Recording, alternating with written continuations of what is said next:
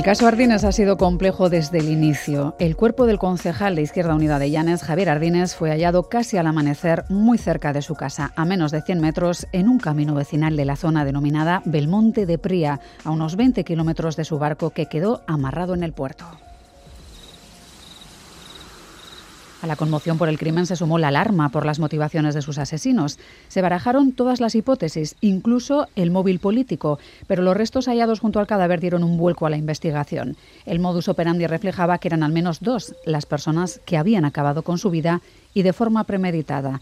Habían colocado unas vallas en el camino que solía frecuentar en coche para obligarle a salir del vehículo. Aprovecharon ese momento para inmovilizarle y acabar con su vida de forma violenta. Conocían sus horarios.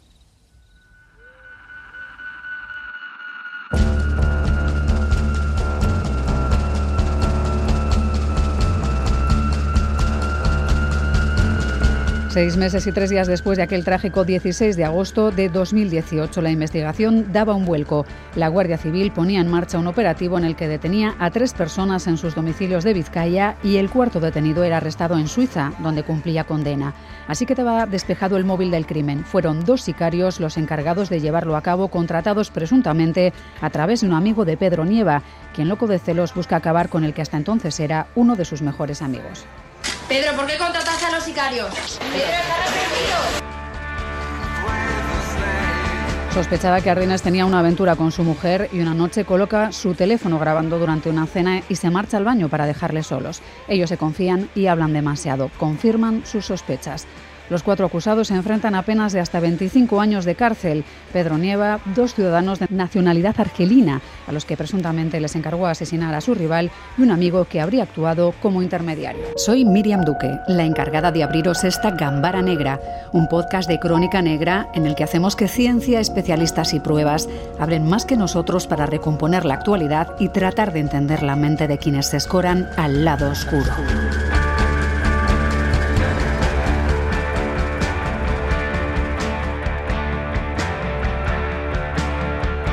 Pero volvamos por un momento a la madrugada del 16 de agosto de 2018. Y vuelvo a ella con Iñaki Irusta, que ha sido durante muchos años jefe de la Policía Científica de la Archancha. Iñaki, ¿selam? Hondo. Hondo.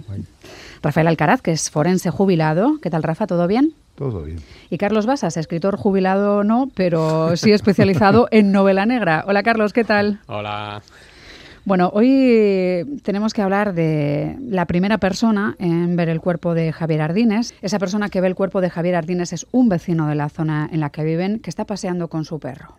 Piensa que es alguien que está borracho, son las fiestas de Llanes, no es descartable, pero al acercarse ve un gran charco de sangre y llama al 112. Están en Belmonte de Pría, a unos 20 kilómetros del puerto en el que Javier trabajaba como pescador. Siempre salía de su casa rumbo al barco pasadas las 6 de la mañana, así que Iñaki era fácil conocer sus rutinas. Supongo que ese tipo de cuestiones ponen más fáciles las cosas ¿no? a, a quienes tratan de hacer el mal, ¿no? Saber que alguien sale siempre a la misma hora y utiliza la misma vía, el mismo camino. Bueno, sí, por una parte sí. Lo que pasa es que independientemente de eso y hay el hecho de que había unas vallas y tal, hay que trabajar varias líneas de investigación hasta que demos con la buena, como fue este caso. Eh, no sabemos si efectivamente eran motivos políticos o podían haber sido otro tipo de cuestiones. Y lo que se hace en ese tipo de hechos es abrir varias líneas de investigación hasta que cogemos el hilo bueno y a partir de ahí es cuando se desarrollan todas las investigaciones posteriores. Uh -huh. Es verdad que aquí se tarda en retomar ese hilo porque la vida privada de, del fallecido no es lo primero de lo que se tira, ¿no? Parece que, claro, es concejal, tiene muchos frentes abiertos, eh, tiene, sí. bueno, pues su vida política también le ha generado cierto nivel de disputas, animadversiones disputas, y, y, disputas, sí. no hay enemigos, pero sí, bueno, pues gente con la que tiene muchas tensiones y se empieza mirando por ahí, ¿no? A ver qué ha podido pasar. Sí, traba se trabaja en, esa, en ese campo inicialmente, pero luego cuando ve que no se dan sus frutos, lo que se hace es trabajar. Bueno, en, en, al inicio ya se trabajan varias vías de investigación, pero eh, lógicamente la que más fuerza coge es la del de, asunto de, de, la relación que mantiene con, con la mujer, con la víctima en este caso, y bueno, pues es la que se trabaja posteriormente. La verdad es que, Carlos, es eh, bastante curioso eh, cómo va tomando, bueno, los derroteros que va tomando el entorno personal de, de, la víctima, de Javier Ardines, que era un hombre, bueno, pues con una vida personal bastante no sé si apasionada sería la palabra, parece que tiene una aventura con la mujer del que es, bueno, pues uno de sus mejores amigos, ¿no? Ella, tanto la mujer de Pedro Nieva como la de Javier Ardines son primas, primas carnales, ellos cuatro mantienen una relación durante años de mucha amistad, viven muy cerquita, en una zona muy tranquila, pero parece que, bueno, pues que las vidas privadas se cruzan en algún momento, ¿no? Al menos la de Javier y la de Katia, la mujer de Pedro.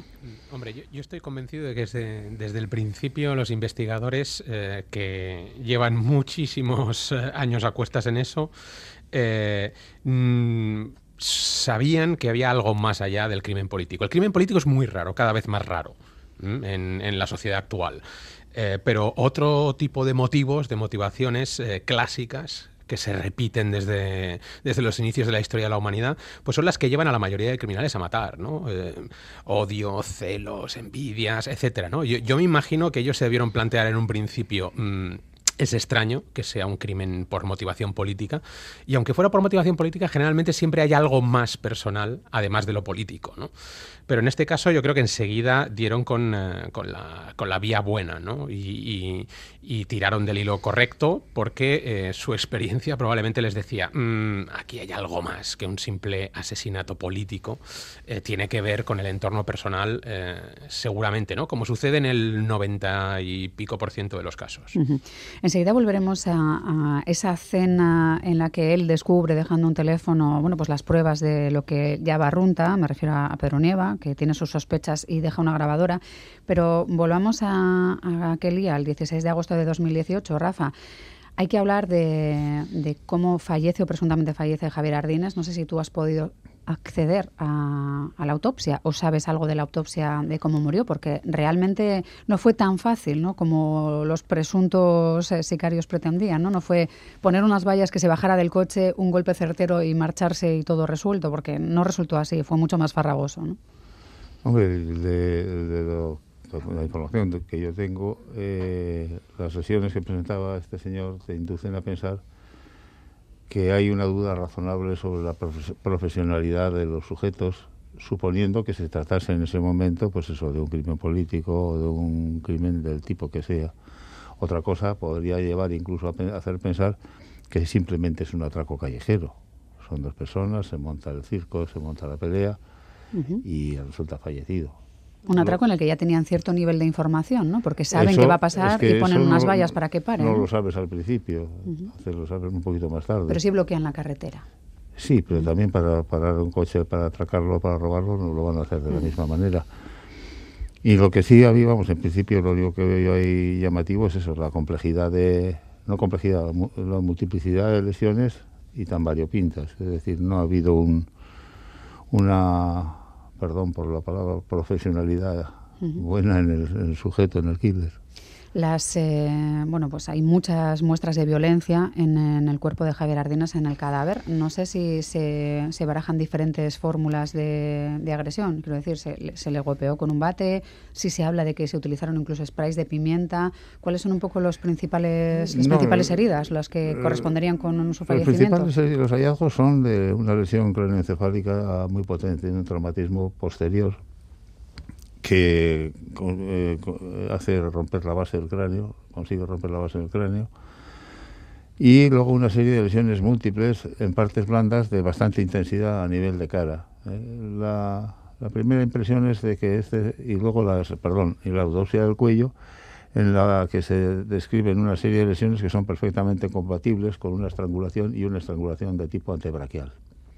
Es decir, que se coge con el, con el brazo y el antebrazo, se presiona sobre el cuello y de esa manera nosotros vamos a apretar sobre una zona, pero el, hueco del codo va a dejar libre otra, donde por lo tanto un campo lesional será más intenso en una parte del cuello que en la otra parte del cuello. Se requiere agarrarle desde atrás. sí. Entonces ahí también se te plantea una cosa, es decir, este, este señor es un señor corpulento. Era un hombre que era pescador, que trabajaba a diario, entendemos que tiene una forma física fuerte. Fuerte y joven. Entonces eso es muy difícil de reducir. Sí, no ha recibido antes algún impacto, algún golpe con la intensidad suficiente como por lo menos aturdirlo. Iñaki, no sé si te encajan más o menos las variables. Eh, digamos que se ponen unas vallas para que alguien baje del coche. Si no recuerdo mal, el coche seguía arrancado cuando encontraron su cuerpo. Alguien le golpea porque entiendo que sale a quitar las vallas, te sales despistado y ahí recibe el primer impacto para intentar eh, ¿no? acabar con él o para intentar dejarle con un susto muy grande. Todavía tendrán que determinar los jueces si directamente era una intención criminal o no tan criminal. Bien, una, una cuestión es lo que te planteas antes de cometer el hecho y Mm. luego cómo va surgiendo. Como bien decía Rafa, pues lógicamente ellos no sabían que, con quién se iban a encontrar más que por la información que iban a tener.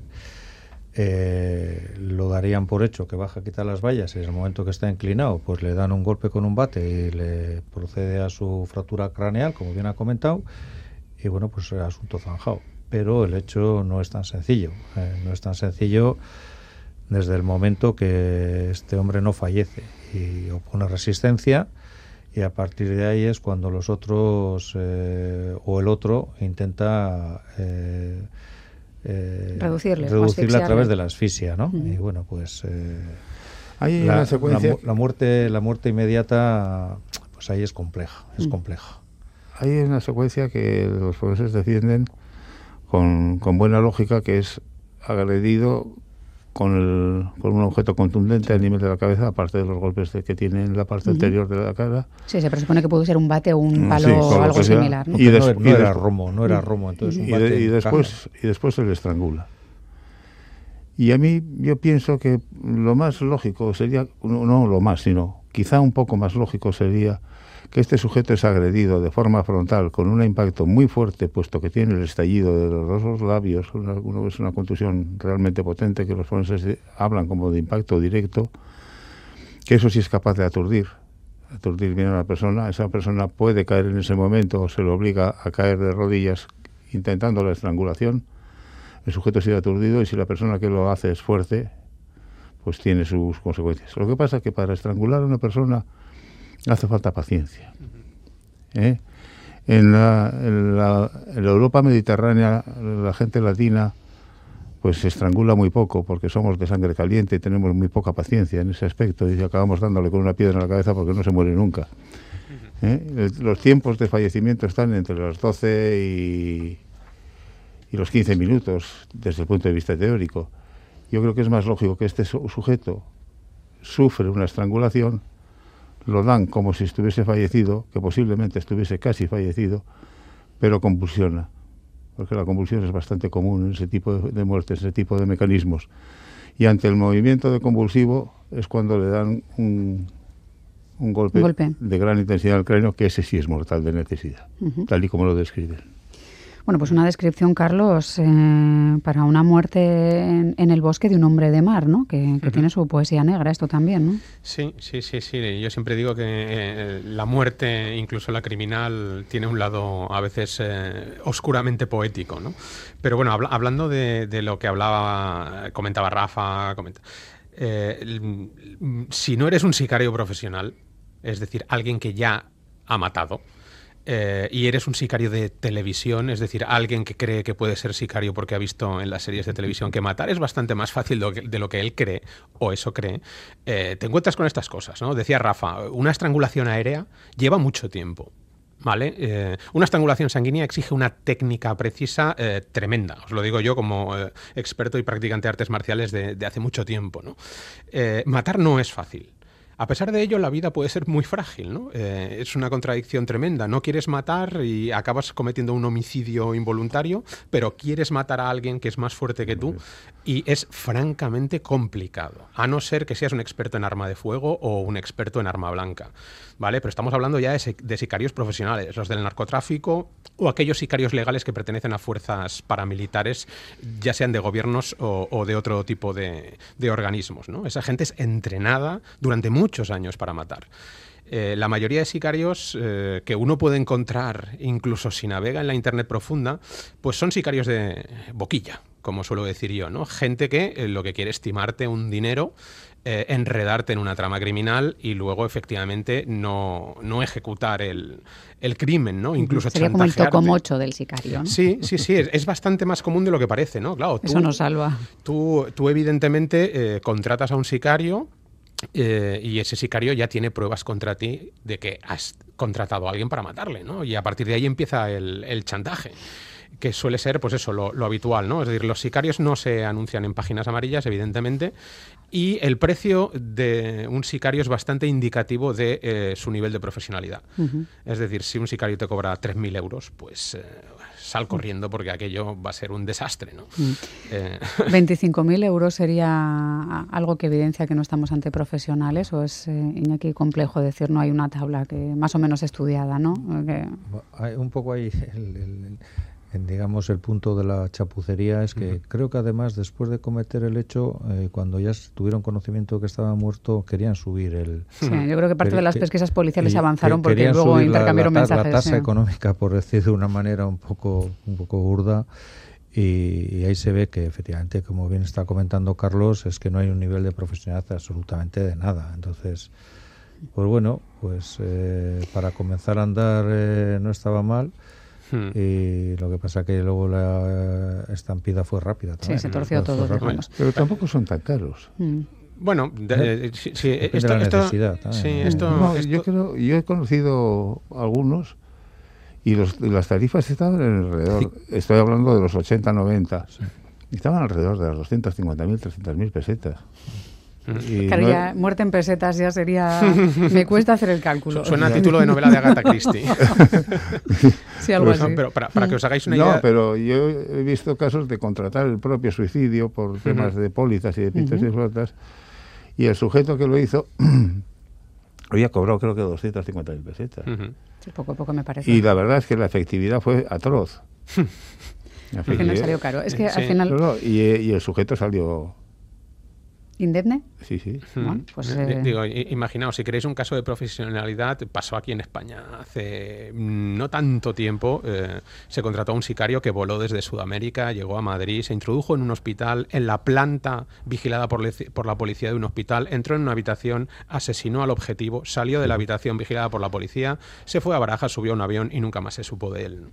Eso es un sicario profesional. Eso es, el que viene en avión o en jet, ¿no? Que no deja, rastro. Sí, sí, sí, efectivamente. O sea, ni, te enteras. Eh, y en ese caso no se quiso ocultar precisamente que había sido un sicario quien había cometido el crimen, porque en otras muchas ocasiones ni siquiera llegas a sospechar de, de la muerte.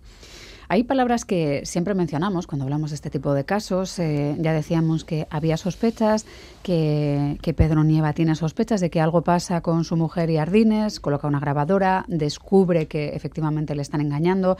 Dicen que escucha ese fragmento durante cientos y cientos de veces, que se obsesiona y es cuando parece que empezaría todo esto. Ya tendríamos el móvil del crimen en, en ese punto y claro, se busca tener coartada, ¿no? Digamos que él desaparece en ese momento para, para evitar eh, estar ubicado en el lugar. Que no sé si a día de hoy, Iñaki, esto ya es más una pista que no, ¿no? Que es casi mejor estar en el sitio en el que pase algo para evitar que parezca una coartada, ¿no? Eso te iba a decir, porque al final es lo típico, ¿no? Yo pues, preparo todo el escenario, preparo todo y luego desaparezco, ¿no? De alguna manera no me van a decir que eh, la ubicación del teléfono voy a estar ahí, en las inmediaciones absolutamente nada. Pero bueno, al final como antes comentaba Carlos, eh, ya estamos ya de vuelta de todas estas cuestiones y cuando se comete un hecho de estos, pues eh, no con casi la total certeza, pero sí que ya trabajamos una línea buena, ¿no? Independientemente que hay que abrir varias, pero una una que le llamamos nosotros la buena es la que consigue, consigue sus resultados. ¿no?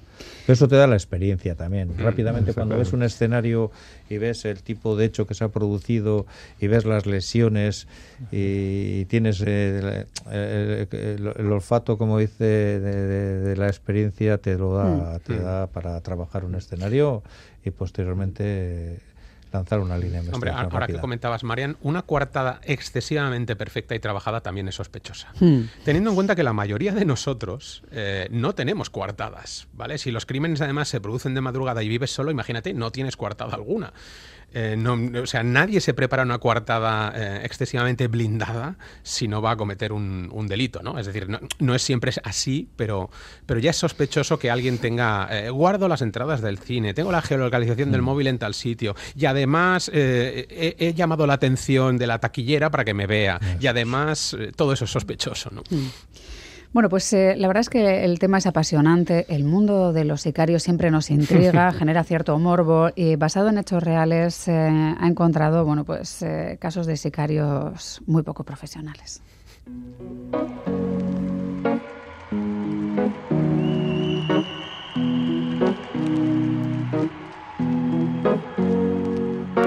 Here's la historia que nos ocupa en los próximos minutos, Carlos, nos lleva a octubre de 2013, ¿no? Sí, y hoy os traigo probablemente la historia más rocambolesca que implica a sicarios, al menos que yo me he cruzado en, todos estos años de investigación, de investigación criminal. ¿no? Es una historia hilarante, si no fuera porque es eh, absolutamente cierta, y sucedió, como decías, en China en octubre de 2013. la historia eh, es como sigue, atentos, atentos al desarrollo. Tan Youhui, eh, a partir de ahora le llamaremos Tan, es un empresario chino que hace negocios con otro empresario de nombre Wei. Eh, todo parece ir bien hasta que Tan, ese empresario, se da cuenta de que, bueno, Wei parece haberle timado y empieza a tener problemas de dinero, problemas legales, y sencillamente decide tirar por la calle de en medio y contratar a un sicario para deshacerse de, ese empresario timador. Efectivamente, contrata con un sicario profesional al cual ofrece 250.000 euros por librarse de ese empresario molesto. Pero ese sicario profesional eh, hace algo que es muy habitual eh, en China y es subcontratar. Al parecer en China todo el mundo subcontrata y los sicarios no son menos, son autónomos, eh, tienen su propia empresa y decide subcontratar a otro sicario. Por la mitad de precio, por supuesto. contracta, contacta con un compañero y le dice, mira, te ofrezco 120.000 euros por matar a este objetivo. ¿no?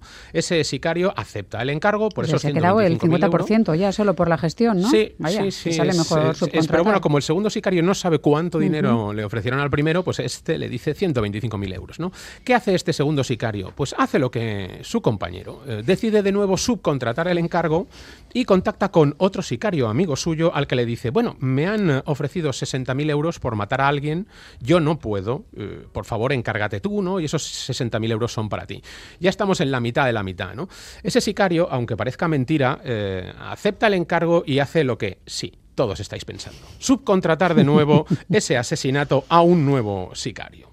Ese sicario eh, realmente acepta, acepta por ese módico precio, ya estamos en los eh, veintipico mil euros, y decide llevar a cabo el encargo, solicita la dirección de la casa del objetivo, la dirección de la empresa, eh, y empieza a vigilarle eh, para acometer el encargo con todas las garantías. ¿no? Trazar rutinas, digamos. Pero ese otro sicario llega un momento que decide, esto, esto es, es muy poco dinero. ¿Y qué decide hacer?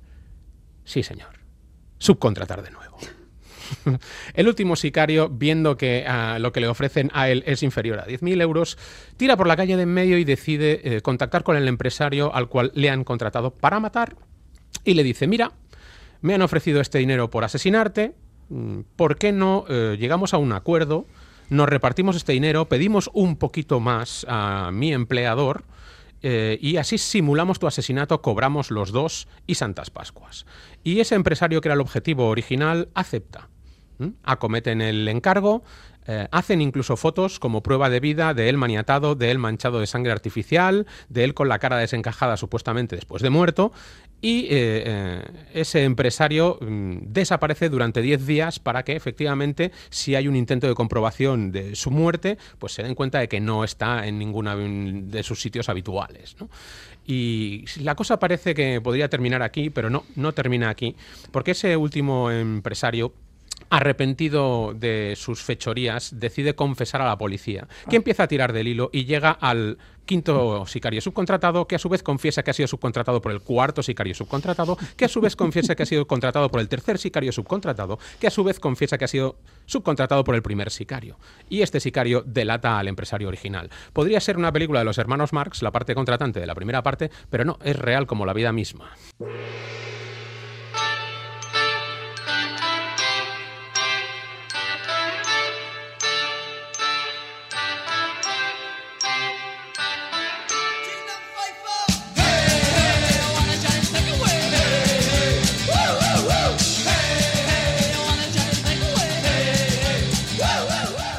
Efectivamente en China, al igual que sucede con los empresarios de la construcción, los empresarios de la muerte también subcontratan, señores. Yo no quisiera entrar en el mundo de las tarifas de, sicarios o de subcontratar sicarios, pero sí me gustaría eh, aprovechar estos minutos que tenemos para hablar también de armas de fuego. Ha habido problemas en los últimos días, en las últimas semanas. Por ejemplo, ese joven estudiante que irrumpía en una universidad en el campus de Leyoa disparaba durante su recorrido por la facultad. No parecía apuntar a ninguna persona, quería dañar a la universidad. Se lo dijo dijo varios jóvenes con los que se cruzó, pero sin entrar en las motivaciones o en el estado mental eh, del chico en el momento de los hechos, sí que preocupa mm, lo fácil que parece hacerse con un arma. La compró en una plataforma Iñaki, en Mil Anuncios, si no me equivoco, los cartuchos en otra tienda. ¿Es así de fácil? ¿Uno puede hacer un psicotécnico tan breve como los que nos piden para renovar el carnet de conducir y que eso te dé acceso a un arma? Bueno, efectivamente, al final el procedimiento administrativo a la hora de hacer un psicotécnico te exige un cuestionario, eh, la mitad de las preguntas las contestas tú, las otras son eh, cuatro eh, instrucciones rápidas de visión, de oído y de poco más. Y con eso estás listo para aportar eh, un arma. ¿Cabría que mirarlo más? Pues igual sí. Con respecto a la- al, al hecho de que... A la munición, por ejemplo. ¿Yo puedo comprar muni- munición sin tener permiso de arma? La munición se puede comprar en cualquier armería, cualquier centro, sin ningún tipo de pega, ningún problema. Pero, pero Eh, ¿me exigirán el permiso no de te- armas? no te exigen absolutamente nada. Yo voy allí, voy a, no sé, por decir algo, no sé, un centro comercial, que no quiero dar nombres. Y- En una tienda, en principio de deportes, me darían cartuchos. Sí, vas allí y dices, bueno, pues quiero un cajón o quiero o una caja o quiero cinco cajas. Pues yo supone pensé que a- lo mínimo era pedirme el carnet de... No, no, no. O la Te lo- licencia te de armas, piden perdón. otro tipo de munición. Te lo Eso es- piden en eso- la eso munición es- de arma corta. Eso es para cuando se piden para el tema de rifles y demás. arma corta. Entonces, Para eso sí, ¿no? Entonces, bueno. Ahí hay, hay un control más exhaustivo. Digo, tú tienes Eh, derecho, tienes acceso a un determinado volumen de munición anual. Y la, la compra de las escopetas, que es la otra cuestión que comentabas, pues efectivamente, mil anuncios tú vas y compras y luego se da se hacen los trámites administrativos en la Guardia Civil, que es la competente para esto, y pues va el comprador y el vendedor, eh, dan de alta los papeles y si no hay ningún problema con el tema de antecedentes, que es lo que o sea, más si se no mira, vas con que te guiñe el ojo continuamente mientras respondes el cuestionario, ¿no? Con aspecto de que tramas algo tremendamente Bueno, terrible, como, pues como- no hay... como vas a estar en el exterior y tampoco va a estar ahí mirando si guiñas el ojo o no guiñas el ojo, pues al final te dirá que... Que mantengas una apariencia de persona más o menos normal Sí, durante 30 durante- minutos, o menos, todo solucionado. O menos, o menos. Mantienes una coherencia y un equilibrio ahí con tanto con la mirada como los gestos, las posturas y lo que quieres comentar y, y listo, y adelante. Ahora, Pues no sé lo si que sí miran es el tema ante- antecedentes, eso sí que suelen mirar, ¿eh? Ahí sí suelen mirar bastante y bueno, pues, Sí, Pues- pero yo en las armas quiero decir que las armas semiautomáticas, armas cortas, sí son, tienen, están muy restringidas. El arma de caza efectivamente es fácil el acceso o más cómodo el acceso y a la munición. Sin embargo, el poder dañino de la escopeta de caza es un calibre 12-70 o 12-77, depende si es un magnum, eso es un espanto. Sí, sí, sí. Pensaba Sí, yo bueno, que ibais a la- calmarme en los últimos minutos, pero me Bueno, llevo o sea, cierto desasosiego no, hombre, eh, para no, casa. las Yo creo, cosas- yo creo todos, da mucho cierto, miedo. es Sí, cierto sí. lo que dice to- Rafa. todos nos acordamos de Puerto Urraco y Eso eso, es. fueron No. con, con escopetas yo- de caza. Estamos recuerdo- tardando en hacer un especial por Yo recuerdo rato. de un policía de una unidad de atracos que Ujú. decía, decía a sus compañeros, decía, ¿qué se hace cuando alguien sale con una recortada de un banco? Y dice, tirarnos todos al, Al suelo, suelo. y dejar que se marche. Claro, porque te masacra. No, no, Claro. que- que- Uf, es te- tremendo, Te parten tremendo. dos. Entonces yo Bueno. creo que el control del arma de fuego eh, tiene un beneficio evidente que en España bueno, muertes por arma de fuego en armas cortas y semiautomáticas es, es bajo, es muy bajo, es quizá Ujú. lo más bajo que hay en Europa o en el mundo. Pero en escopeta de caza, yo una vez que hice un trabajo de censao de hace muchísimos años, en, la, en Vizcaya había 100.000 escopetas más que cazadores. Están en todos los caseríos, es un elemento. Sí. y más de una. y más de una. es. Yo probé una, que haya evolucionado esto también. probé una, una, escopeta, una, una pistolita de balines de gas con mi hijo pequeño. Y cuando estaba probándolo en una campa, noté que me empujaban por la espalda y eran a dos cañones de una señora mayor, una aldeana, y decía, ¿qué haces? Digo, ¿cómo que qué hago? ¿Me vas a partir en dos? Pues así es la vida, así es la vida, que te da sorpresas inesperadas y, y de repente a tu espalda aparece lo que no querías encontrar. Sí queremos encontrar siempre a gente como Iñaki Rusta, Rafael Alcaraz y Carlos Basas. Cuidaos mucho. Hasta luego. Agur. Agur.